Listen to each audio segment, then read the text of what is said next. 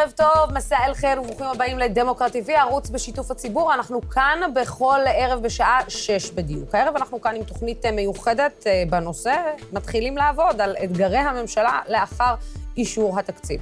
אנחנו נחלק את התוכנית לכמה נושאים, חוק, חוקי סער על הגבלת אה, כהונה ואיסור לרוץ אה, לראשות הממשלה עם אה, כתב אישום, נדבר על יוקר המחיה ועל מצוקת הדיור ועל התחבורה.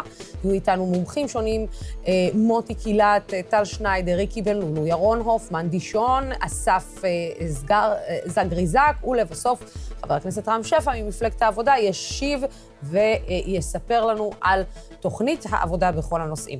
את התוכנית הזאת אנחנו נפתח עם המשימה הכי שנויה במחלוקת של הממשלה הזאת, ואחת המורכבות שבהן, חוקי סער, זה השם הכללי שניתן אה, לחוקים להגבלת אה, כהונת ראש הממשלה ולהגבלת היכולת של אדם לרוץ לראשות הממשלה עם כתב אישום, וגם פיצול תפקיד היועץ המשפטי.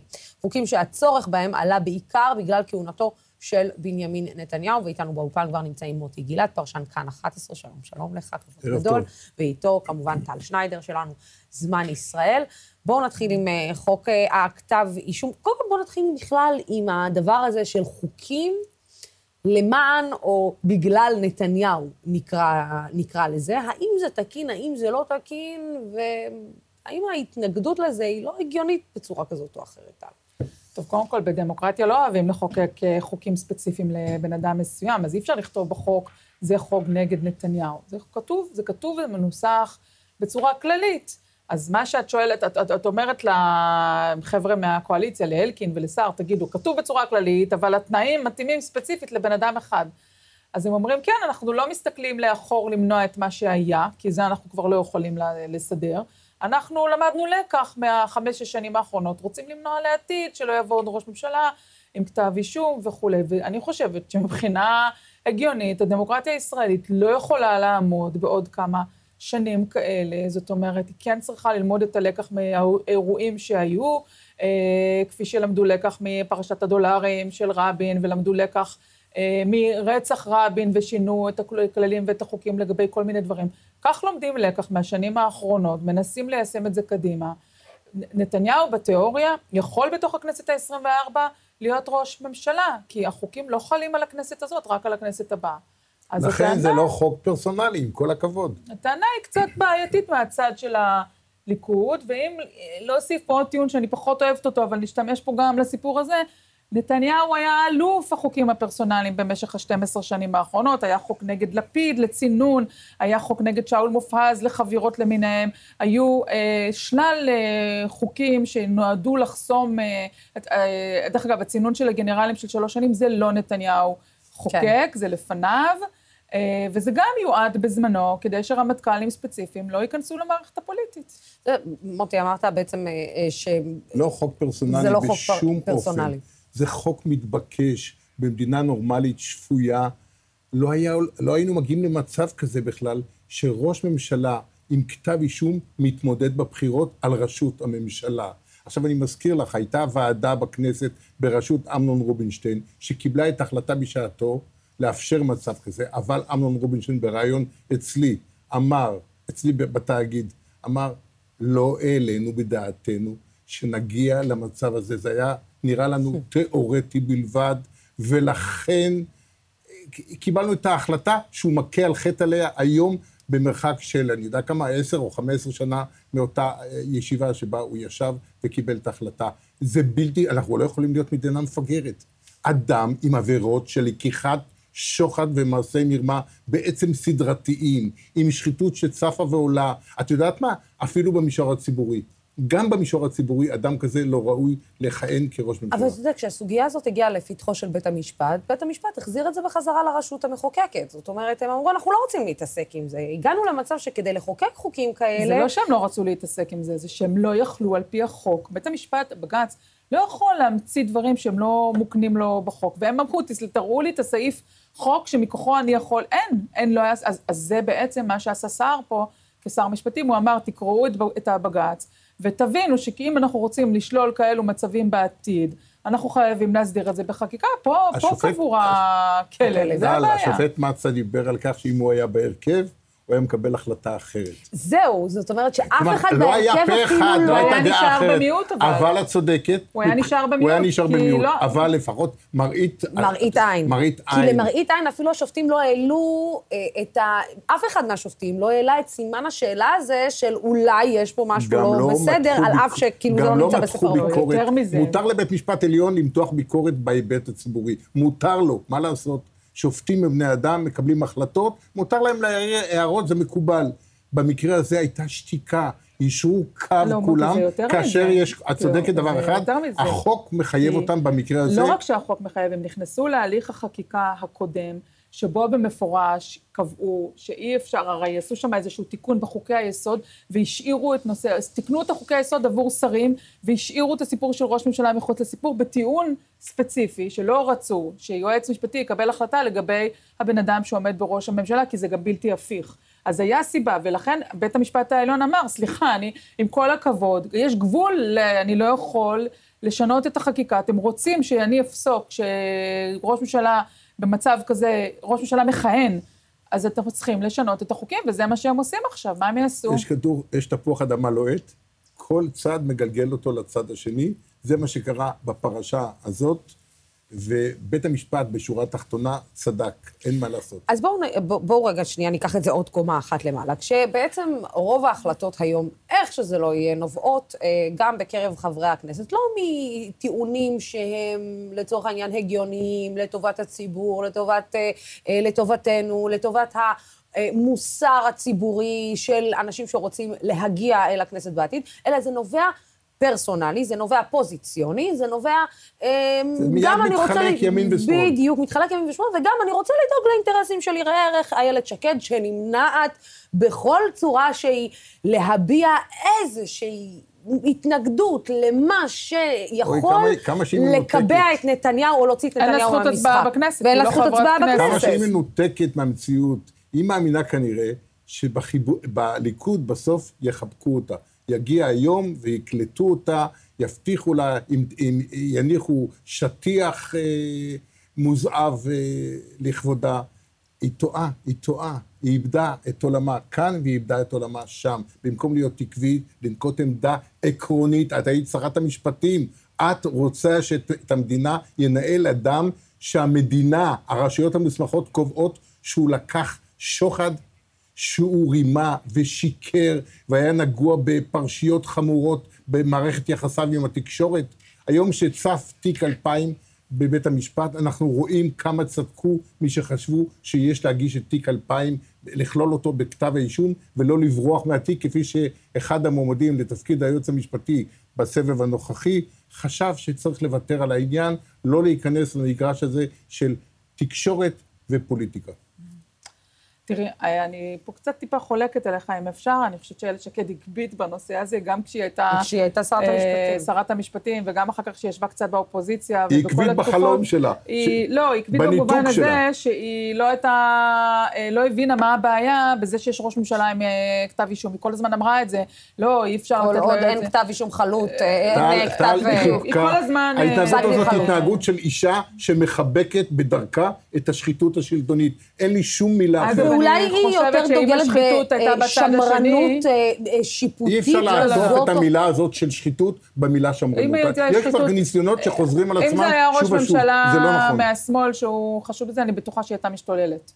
זה אינטרס פוליטי ימני.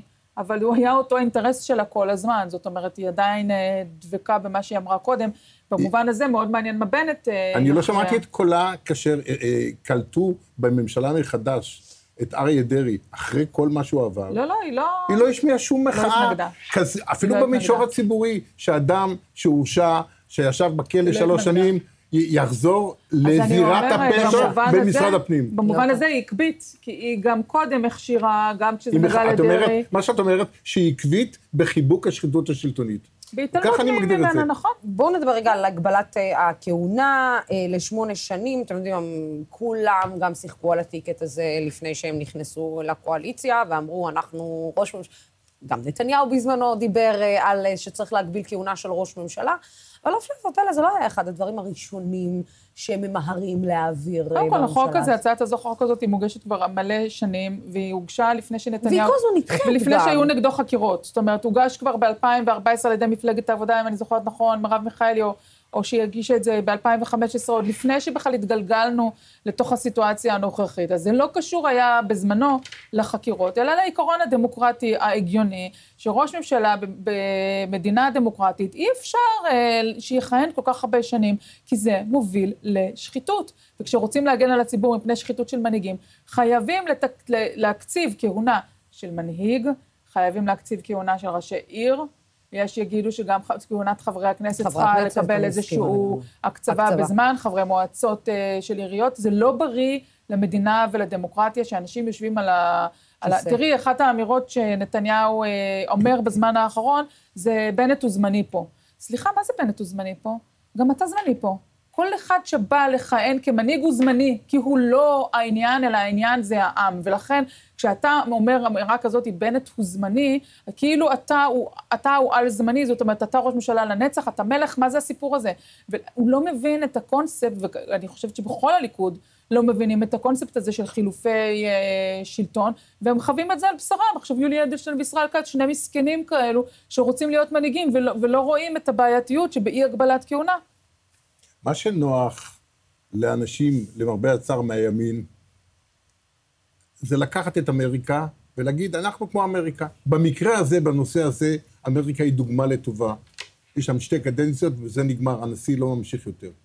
במקום ללכת בדרך של אמריקה במגרש הזה, בורחים הפעם ואומרים, mm. בואו נשאיר את המצב, הציבור, לא, אומרים לך שבדמוקרטיות פרלמנטריות אה, בשאר העולם אין, הגבלת אה, כהונה. אין הגבלת כהונה, עם יכריע, הדמוקרטיה תנצח, כל הסיסמאות היפות האלה. אין שום סיבה בעולם שראש ממשלה יכהן יותר משתי קדנציות.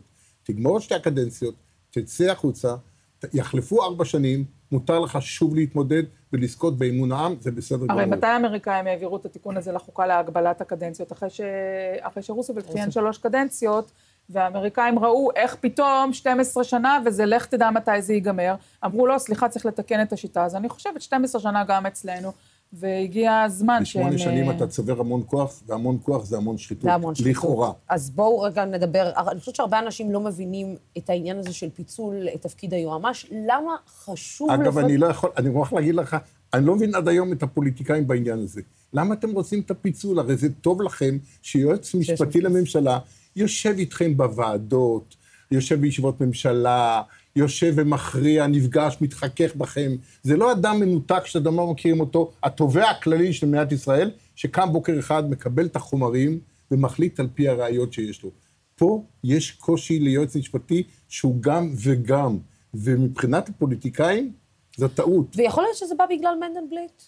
יכול להיות. יכול להיות בעקבות מה שקרה.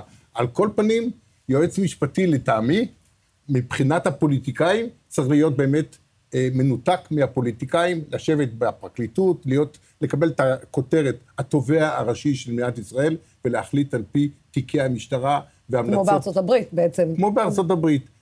אה, אני לא, לא מבין, אבל אני, להערכתי, אגב, היוזמה של גדעון סער בנושא הזה תיתק, תיתקל בהתנגדות גם של היועץ המשפטי הבא שייבחר וגם של אחרים.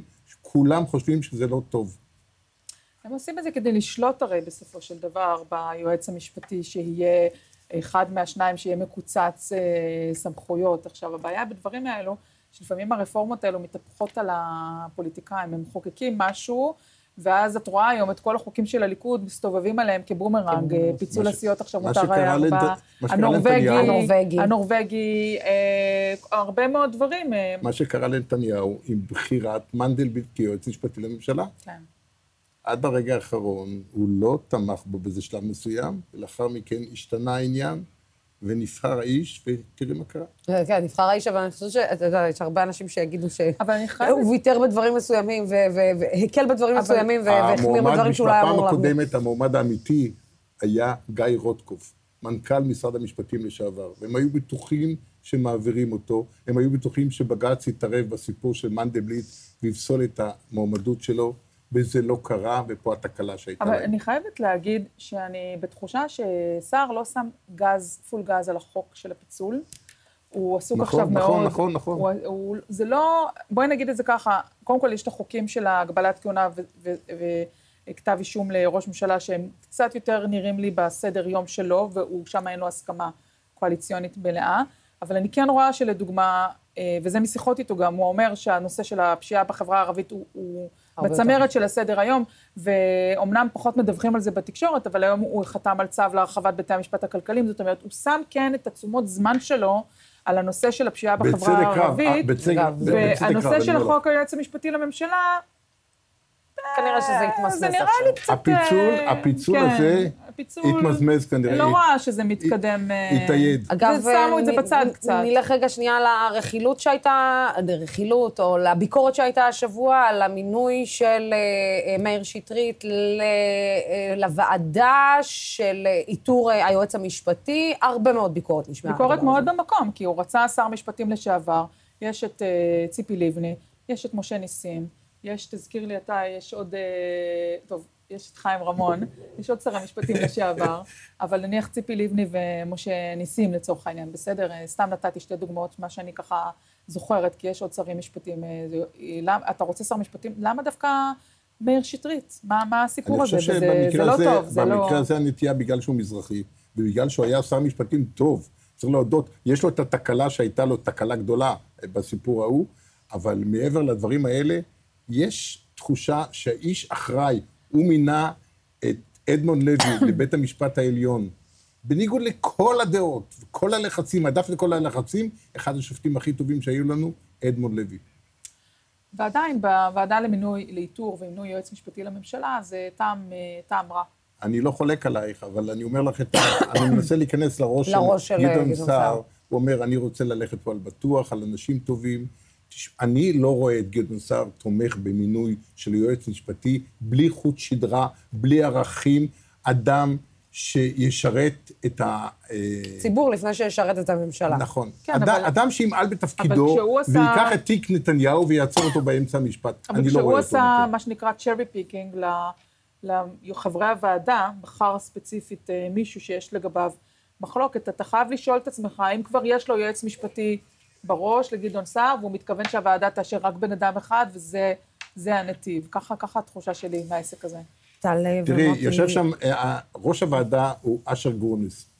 יש לו לא חוט שדרה פשוט, חוט שדרה מברזל, אני אומר לך. אף אחד לא יקנה אותו, אף אחד לא ילחץ עליו. הוא היחיד שהתנגד בשעתו למינוי מנדלבליט. Mm.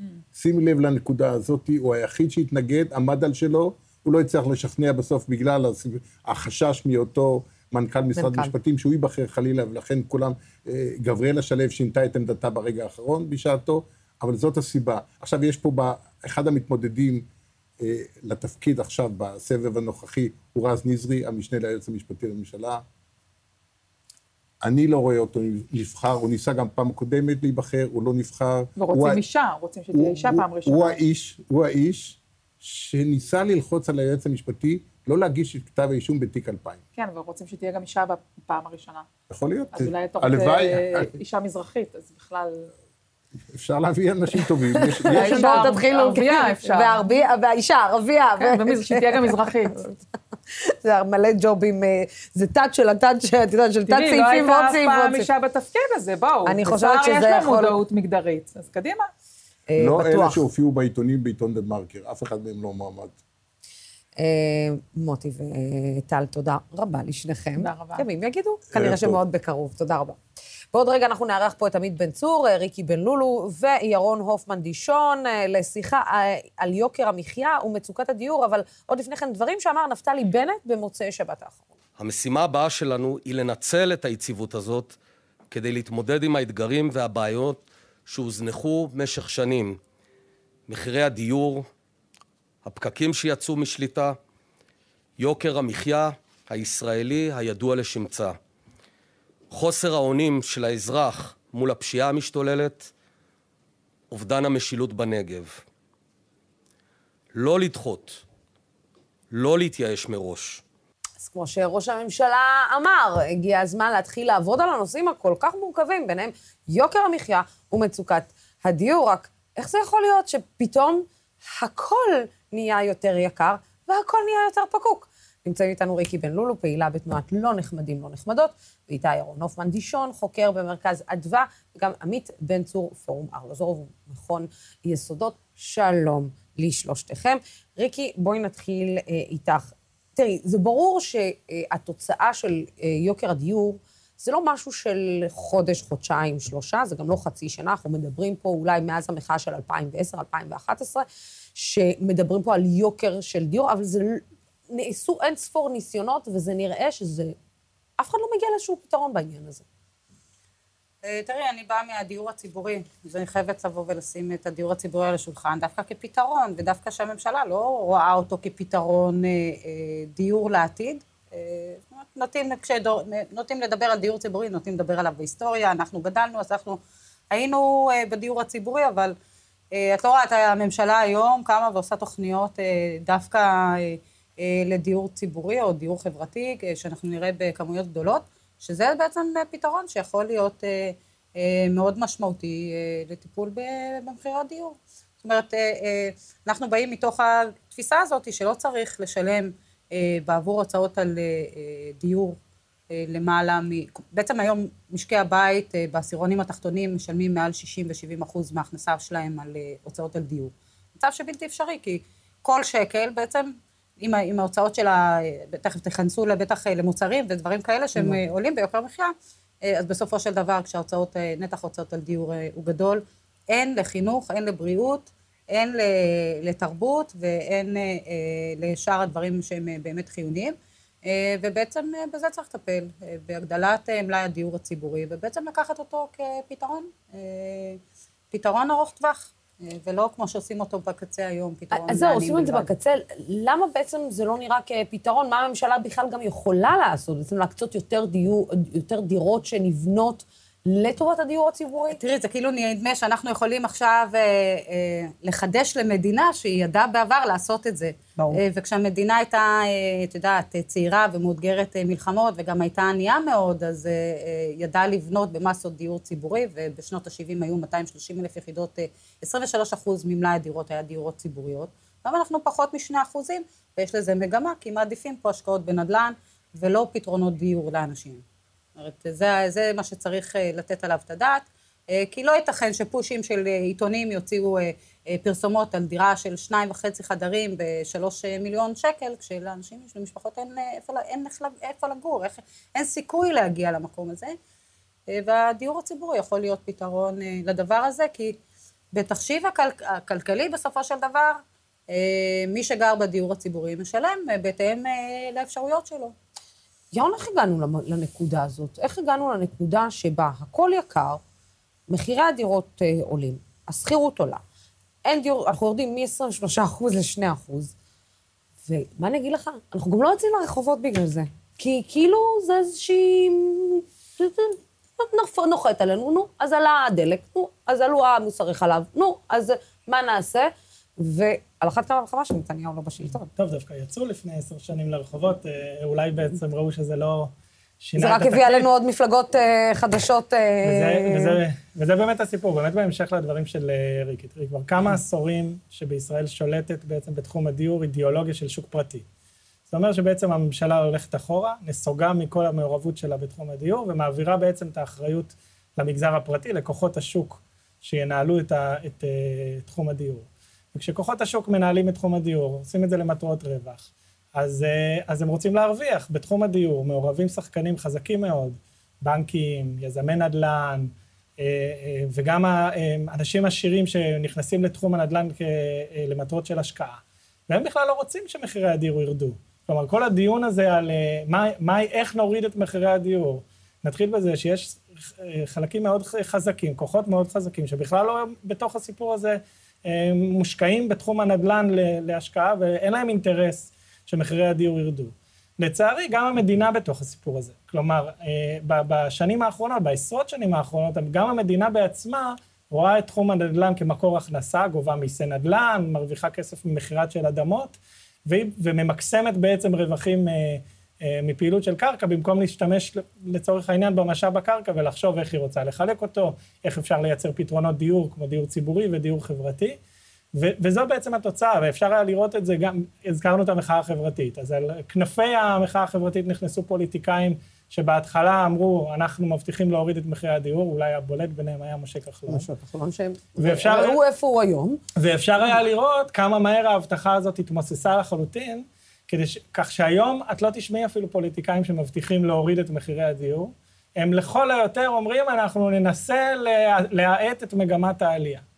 אז כש... כשזאת המציאות, והציבור, אה, מי שעוד כן יכולים במשכנתאות כבדות, בחובות כבדים, לרכוש דירה, מבינים שאין להם אלטרנטיבה אחרת, אז הם שמים את כל המשאבים שלהם בשביל להשיג קורת גג.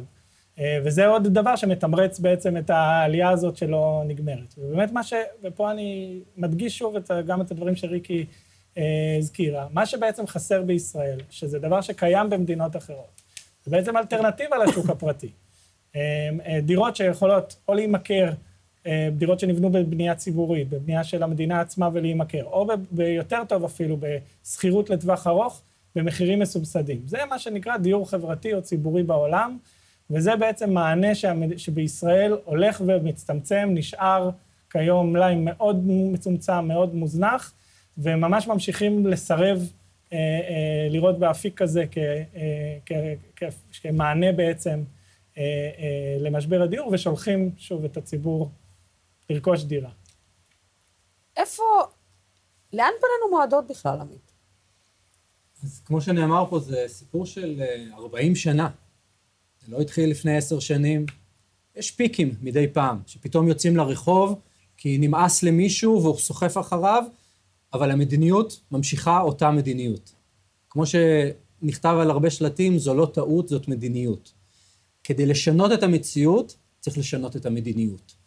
אבל צריך לזכור שאנחנו מדברים על יוקר מחיה, יש לה תמיד שני צדדים. יש את המחיר של מה שאנחנו קונים, ודיור הוא לא אה, מוצר, הוא נכס בסיסי לחיים. חמשת המ"מים, וכל דבר שנדבר עליו, המעון הוא דבר קריטי לחיים של בן אדם. אם אנחנו הופכים אותו לסחורה, אז מי שיש לו יוכל להשיג יוכל. את הסחורה הזאת, ומי שאין לו לא יוכל. אבל מהו הצד השני? הוא השכר שלנו. Mm-hmm. הרי אם המחירים היו עולים, אבל השכר שלנו גם היה עולה. גם היה עולה, אז יכול להיות שהמצב היה פחות קשה. וכשאנחנו מדברים על עליית שכר, אז אנחנו יודעים שישראל מתקיימת בה שתי, מתקיימות בה שתי כלכלות. יש לנו את כלכלת ההייטק והספיחים שלה, עם שכר בשמיים, יש היום אה, ביקוש אה, לעובדים בצורה כזאת שעובדים בוחרים, זה שוק של עובדים, עובדים בוחרים אצל מי לעבוד בהייטק, ומהצד השני, 90 אחוז, או קצת פחות, מהעובדים בישראל שלא עובדים בהייטק, נמצאים ברמות שכר רובם מאוד מאוד נמוכות.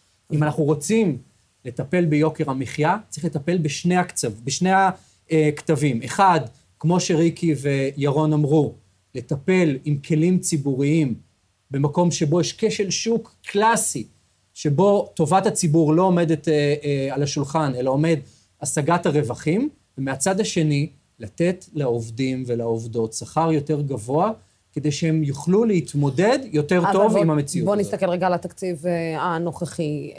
אמרו, אנחנו מעלים את אה, השכר, את שכר המינימום, כמובן, אנחנו נעשה העלאה בכמה מספר שנים או בכמה פעימות, וזה נשמע מס, מקסים, אתה יודע, 100 שקלים, 200, סכומים לא, לא ברורים, אבל אז באותה נשימה, בסעיפים הקטנים, שוכחים שהורידו את השעות הנוספות, והטילו הגבלות גם על דברים אחרים, ועל ימי חופש, ופתאום, כאילו, נראה שהממשלה הזאת, אתה יודע, מתהדרת באיזשהו תקציב חברתי מאוד מאוד אה, אה, אה, הכי חברתי שהיה פה בשנים האחרונות, אבל מתברר שהיא די נאטמת, איך הגדיר את זה אתמול? ל, ל, ל, לרצונות של פקידים שנמצאים באוצר. אה, אה, זליכה אמר את זה אתמול. זאת אומרת, אין מישהו שיבוא ויגיד, חברים, זה לא הקופה שלכם, זה הקופה הציבורית, אתם לא מנהלים פה את העניינים, זה לא אתם מוציאים מהכיס שלכם, אנחנו צריכים ללכת לטובת הציבור. שני דברים. קודם כל, תפקידם של uh, הפקידים, או הדרג המקצועי, בשם היותר מכבד, שאני חושב כן. שכדאי לקרוא להם, הוא להניח על השולחן של מקבלי החלטות חלופות. שונות אבל, לא עוד מאותו דבר. לעשות את אותה מדיניות, להפעיל את אותה מדיניות שלא מצליחה, הרי כולם, כל נבחרי הציבור, בטח בעשור האחרון, באמת רוצים לפתור את בעיית הדיור. רוצים. אני מאמין בכנות שהם באמת רוצים. אבל כשעל השולחן עומדת שוב ושוב אותה שיטה, הם לא יוכלו לפתור אותה, זה צד אחד. צד שני, דיברת על עסקת החבילה שנחתמה. מה נעשה שם? ישבו שלושה צדדים, שולחן עגול, מעסיקים, עובדים, ממשלה. התוצאה אף פעם לא תהיה 100% של אחד הצדדים, אלא מגיעים להסכמות משותפות. יותר טובות, פחות טובות, אבל יושבים ביחד ושמים לנגד העיניים, מציבים את הבעיה הציבורית ומנסים ביחד למצוא את הפתרון שיצליח לשפר את זה. האם הממשלה, בנושא הדיור, בנושא המזון, בנושא הבריאות, שמה, פותחת שולחן עגול, שהשחקנים השונים, כל אחד מביא את הידע שלו, את הניסיון שלו, את השאיפות ולוקחת שלו. ולוקחת את זה בחשבון. ולוקחת את זה בחשבון ולא מנהלת מדיניות חד-מימדית, אז לצערי, התשובה היא שלא. זה לא פתרון קסם, זה דורש אה, שיתוף, זה דורש ויכוחים, זה דורש אבל להיות פתוח שהמדיניות שאתה מוביל כבר יותר מדי שנים לא משיגה את התוצאה. להסתכל על העולם, הפתרונות האלה נמצאים שם. יש מדינות שפותרות את זה, אנחנו לא יחידים, אנחנו לפעמים רוצים להיות נורא מיוחדים, אבל הבעיות שלנו משותפות להרבה מאוד חברות ו- ו- ומדינות אחרות. בואו נלמד מה עושים שם. ריקי, את יודעת, יש איזושהי תקווה כשאת רואה את התקציב הזה, וכשאת רואה שהוא מקושט בכל מיני אמירות, אה, אפשר להגיד אפילו פופוליסטיות אה, במידה מסוימת. יש איזושהי תקווה שבכלל הממשלה הזאת מסוגלת לעשות משהו, כשבעצם אנחנו שומעים את הדברים האלה, אז הבאנו לשולחן עגול, אוקיי. תראה, אני יכולה להגיד שיש הכבדה פה על השכבות החלשות, אי אפשר להתעלם מה, מהמיסים שהם אה, מטילים עכשיו, אה, וגם אה, חייבת להגיד על ההבטחות המאוד גדולות שאמרו לנו גם בדיור ציבורי, אנחנו לא ראינו את זה באמת בתוך התקציב מתגלם בעצם משמעותית לתקציב, אבל גם אין תוכנית, אין תוכנית, וזה אחד הדברים שצריך להגיד. כאילו, התקציב הוא תקציב לשנה, שנתיים. תוכניות דיור, דיור ציבורי, לא יכול להיעשות בלי תוכנית או מתקציב לתקציב. זה, זה דבר שחשוב להגיד. צריך הסתכלות רחבה קדימה. לא יכול להיות שיש פה אה, שכבה אה, אה, משמעותית של אוכלוסייה, שהיא לא נספרת בכלל בתוך התוכניות של הדיור, שאין הסתכלות, שלא יודעים מה הולכים לעשות שם עוד עשר שנים, מה הצרכים? אנחנו מדינה שהולכת אה, אה, בריבוי אוכלוסייה, בלי פתרונות דיור לחלוטין. זאת אומרת, היום, נכון, היה ועדת כלכלה, ויש איזשהו הישג, את יודעת, אנחנו נמצאים בסוגיה של אה, פינויים מהדיור הציבורי, והצלחנו להגיע למצב שהשר אה, אה, אמר כן. שהוא יעצור אותם אה, לתקופה ולבחון את המקרים, אבל עדיין, שוב פעם, התפיסה הזאת היא שבאים וזורקים אנשים לרחוב בלי לתת להם פתרון. לא צריכה להיות במדינה, במדינה מתוקנת, בטח לא אחת כזאת שמגדירה את עצמה מעצמת הייטק.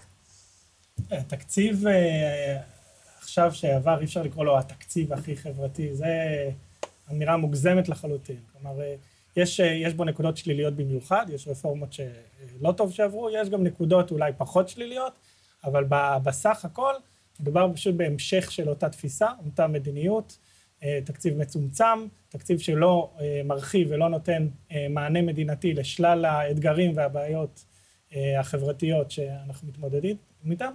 ואפשר לראות שזה גם תקציב שמפספס את ההזדמנות ללמוד, נקרא לזה, לקח מהקורונה. כלומר, דווקא בשנה שעברה, בשנת 2020, לא הייתה לממשלה ברירה, כלומר, בגלל המשבר העולמי בישראל, הממשלה נאלצה להגדיל את ההוצאות שלה, אה, המשיכה את זה אה, השנה כי המשיכו סעיפים, המשיכו השקעות אה, לעבור, אבל כבר עכשיו בהצעת התקציב שעברה לשנת 2022, כלומר בשנה הבאה, התקציב חוזר, יורד בחזרה, כלומר מקוצץ מתקציב 21, ובעצם חוזר לאותה תפיסה של מדינה מצומצמת, מדינה שמתקמצנת על השקעות, מתוך אותה תפיסת עולם. ולא להאמין שעדיין ממשיכים לתת הטבות לאלו שיש להם, ולקחת מאלו שאין להם. אה, ממשיכים אה, לשלם יותר. לא, לא להאמין. עמית, אה, ירון וריקי, תודה רבה לשלושתכם. תודה. כי בעוד רגע אנחנו נערך פה את כתב התחבורה של ynet, אסף זגרי זק, לשיחה על משימות הממשלה והשרה מרב מיכאלי, אבל עוד לפני כן ערב בפותחים את הפה מידן שגיב על העלאת גיל הפרישה לנשים. חוק העלאת גיל הפרישה לנשים לגיל 65 עבר ביום חמישי האחרון במסגרת ההצבעה על חוק ההסדרים. התהליך עצמו התפרס על פני 11 שנים. ילידות שנות ה-70 ומעלה צריכות כבר היום להתחיל ולתכנן איך תיראה הפרישה שלהן. אלפי נשים בישראל עובדות בעבודה שמניבה להן סך הכל 6,500 שקלים בחודש. מה שיותיר אותן במקרה הטוב עם פנסיה של 3,500 שקלים. אז אתן בטח שואלות מה אפשר וכדאי לעשות כבר היום. אם את שכירה, כדאי שתוודאי שאת מפרישה את המקסימום לפנסיה. מדובר בשבעה אחוזים.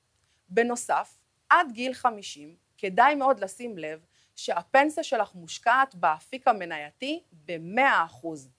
רק תשומת לב לסעיף הזה תגדיל לך את החיסכון פי שניים, מה שאומר שגם הפנסיה שלך תגדל פי שניים.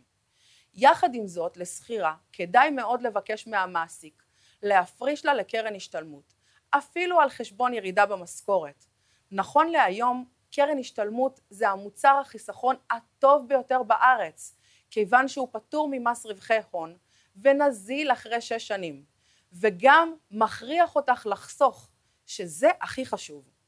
לנשים מגיל 35 ומעלה, אני ממליצה לערוך כבר היום סימולציה לגיל הפרישה, ולהבין את סכום החיסכון והפנסיה העתידיים שלכן. וכן, בדיוק כמו שאני ממליצה ללקוחותיי, כדאי כבר היום לדאוג ולהגדיל הכנסות, בין אם זה לבקש העלאה מהמעסיק, או ליצור עיסוק נוסף, אולי אפילו תחביב שתוכלי לייצר ממנו הכנסה נוספת שוטפת, שאותה את תחסכי ותשקיעי. נשים יקרות, אנחנו צריכות לזכור שאחרי היציאה לפנסיה אנחנו נחיה לפחות עוד 30 שנה, וכדי שנוכל ליהנות ולעשות חיים בפרישה שלנו, אנו חייבות הכנסה שמתאימה את רמת החיים שלנו. לכן, כבר היום כדאי לבנות תוכנית מסודרת, והכי חשוב, ישימה. כי תוכנית טובה וישימה היא המפתח לשפע בפרישה שלנו. אז לחיי השפע שלך.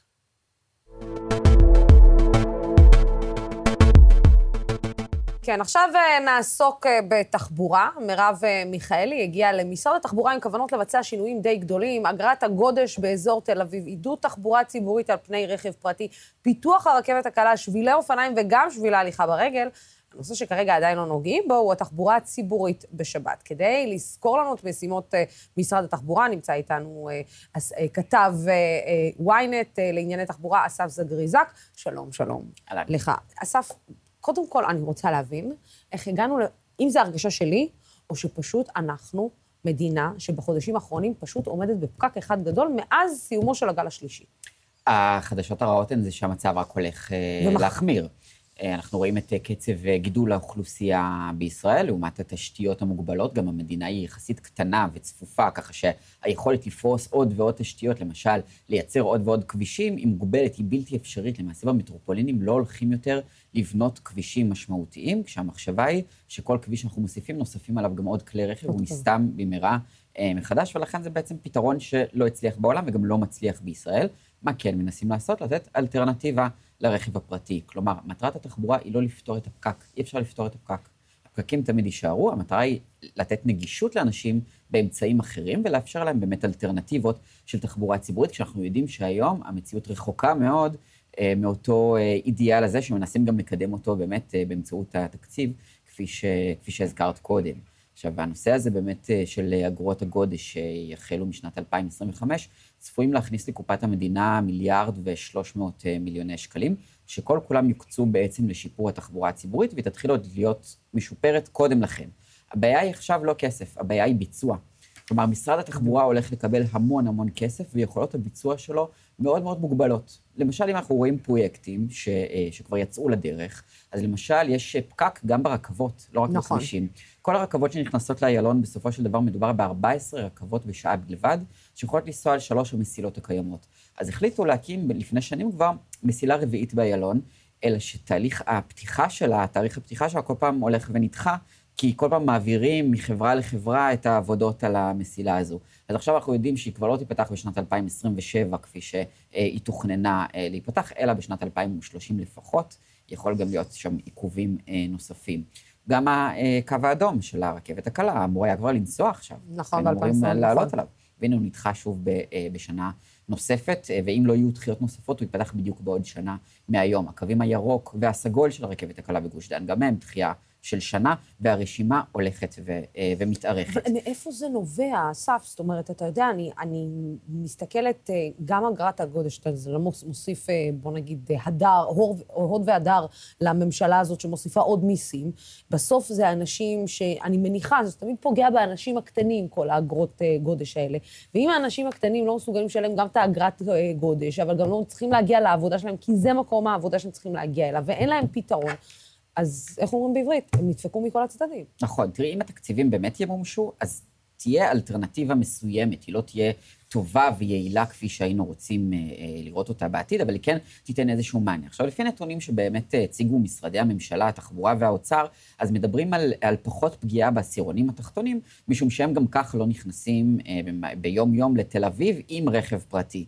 כשמסתכלים על הפגיעה, היא בעיקר בעשירונים העליונים, אבל יש גם מעשירון שבע כזה, שזה מין מעמד ביניים, שגם הוא ישלם את המחיר. עכשיו, רבים מאותם אנשים חיים בשכונות ובערים פרבריות, שהתחבורה הציבורית לעולם לא תצליח לתת שם מענה, כי הבנייה היא מבוזרת, היא לא מותאמת לשירות של תחבורה ציבורית, היא מותאמת לנגישות ברכב פרטי. כלומר, המדינה אומרת להם, גם דפקנו אתכם פעם אחת, שלא ייצרנו לכם אלטרנטיבה, כי השכונות שייצרנו הן רק לרכב פרטי, וגם דפקנו אתכם פעם שנייה אה, בזה שתצטרכו לשלם על זה כסף כשתרצו להיכנס לתל אביב ברכב. אז שם אומרים... אגב, לא היה איזושהי חשיבה יחד עם מעסיקים, לתת אה, הטבות למעסיקים שמשאירים עובדים בבית, ואז אה, בעצם... אה, בוא, ראינו בקורונה שזה אפשרי, ראינו בקורונה שאתה יכול להשאיר את העובדים שלך בבית ועדיין להמשיך לתפקד, במיוחד במשרדי הייטק ובמתחמי הייטק גדולים ומתחמי מפעלים גדולים.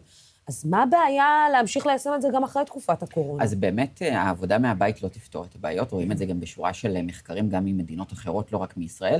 מדובר בשינויים של אחוזים בודדים אה, בכבישים. כלומר, יש, אולי לעבודה מהבית יש יתרונות רבים אחרים, אבל מבחינה תחבורתית, התועלת היא, לא, היא לא מספיק גדולה כמו שהיינו רוצים לראות. התועלת הגדולה מגיעה רק מתחבורה בת קיימא, מהליכה רגלית, מנסיעה על אופניים, מנסיעה בתחבורה ציבורית, מנגישות בצורה כזו שהיא לא מסתמכת על הרכב הפרטי, כי פשוט אין מקום ויהיה יותר גרוע בעתיד.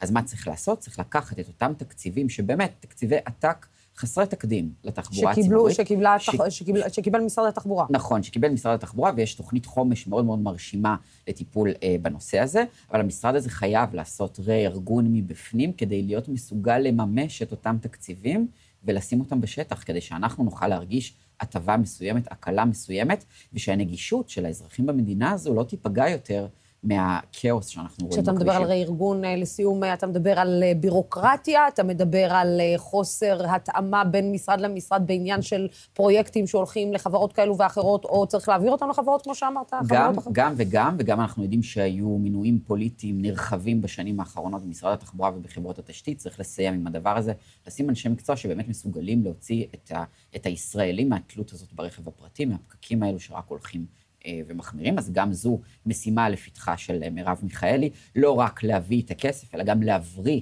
את המשרד בצורה כזאת שהוא יהיה מסוגל להוציא אותו. כן, לא התחלנו לדבר בכלל על רכב שהוא חשמלי, ומה זה אומר מבחינה סביבתית, וכאילו, כן. אבל אתה עוד תחזור אלינו, כי עד סוף החודש אנחנו מתעסקים במשרד התחבורה. תודה רבה לך. תודה רבה. אה, אסף זלפזק מ-ynet, תודה רבה שהגעת. עכשיו, אה, אחרי שסיימנו לדבר על הנושאים השונים, חוקי סער, יוקר המחיה, דיור וגם תחבורה, זה הזמן לשמוע קצת מהממשלה עצמה. אני רוצה להגיד ערב טוב לרם שפע, יושב ראש סיעת העבודה. שלום, שלום, רם. שלום, שלום. ערב טוב לך ולכל מי שצופה בנו. אה, אז אה, רם, תקשיב, דיברנו כאן עם הרבה מאוד אנשים שאומרים, יפה יפה, מילים גבוהות גבוהות, כותרות יפות יפות, אבל בסוף, איכשהו, גם אתם סיימתם בדיוק כמו הממשלות הקודמות.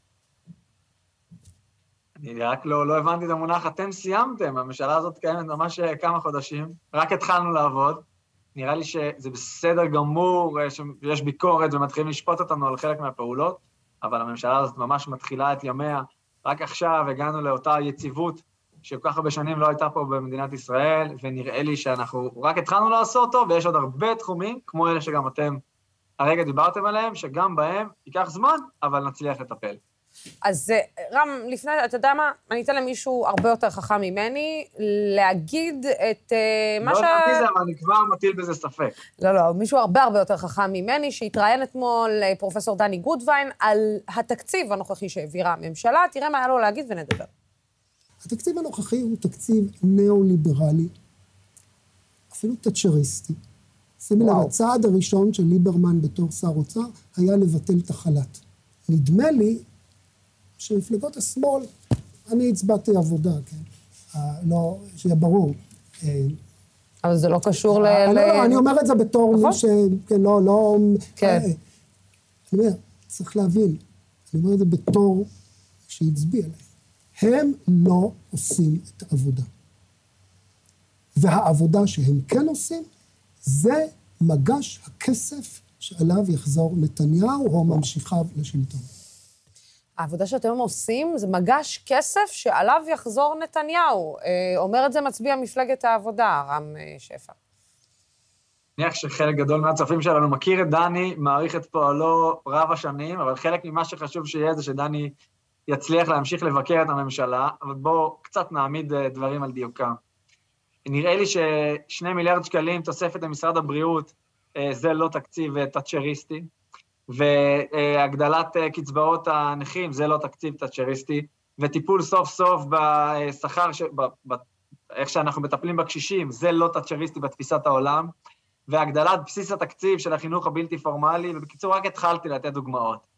נכון, יש בתקציב הזה אלמנטים כלכליים שמפלגת העבודה לא מתחברת אליהם עד הסוף, אבל אני חושב שכל מי שצופה וצופה בנו עכשיו, ובכלל, המחנה המרכז-שמאל שהלך לקלפי בהמוניו כדי להחליף את השלטון, הבין שאנחנו צריכים להיות במקום שבו אנחנו, לצד העמידה על העקרונות שלנו, צריכים גם לכבד את העקרונות של השותפים שלנו, אחרת אין שום סיכוי לשרוד פה.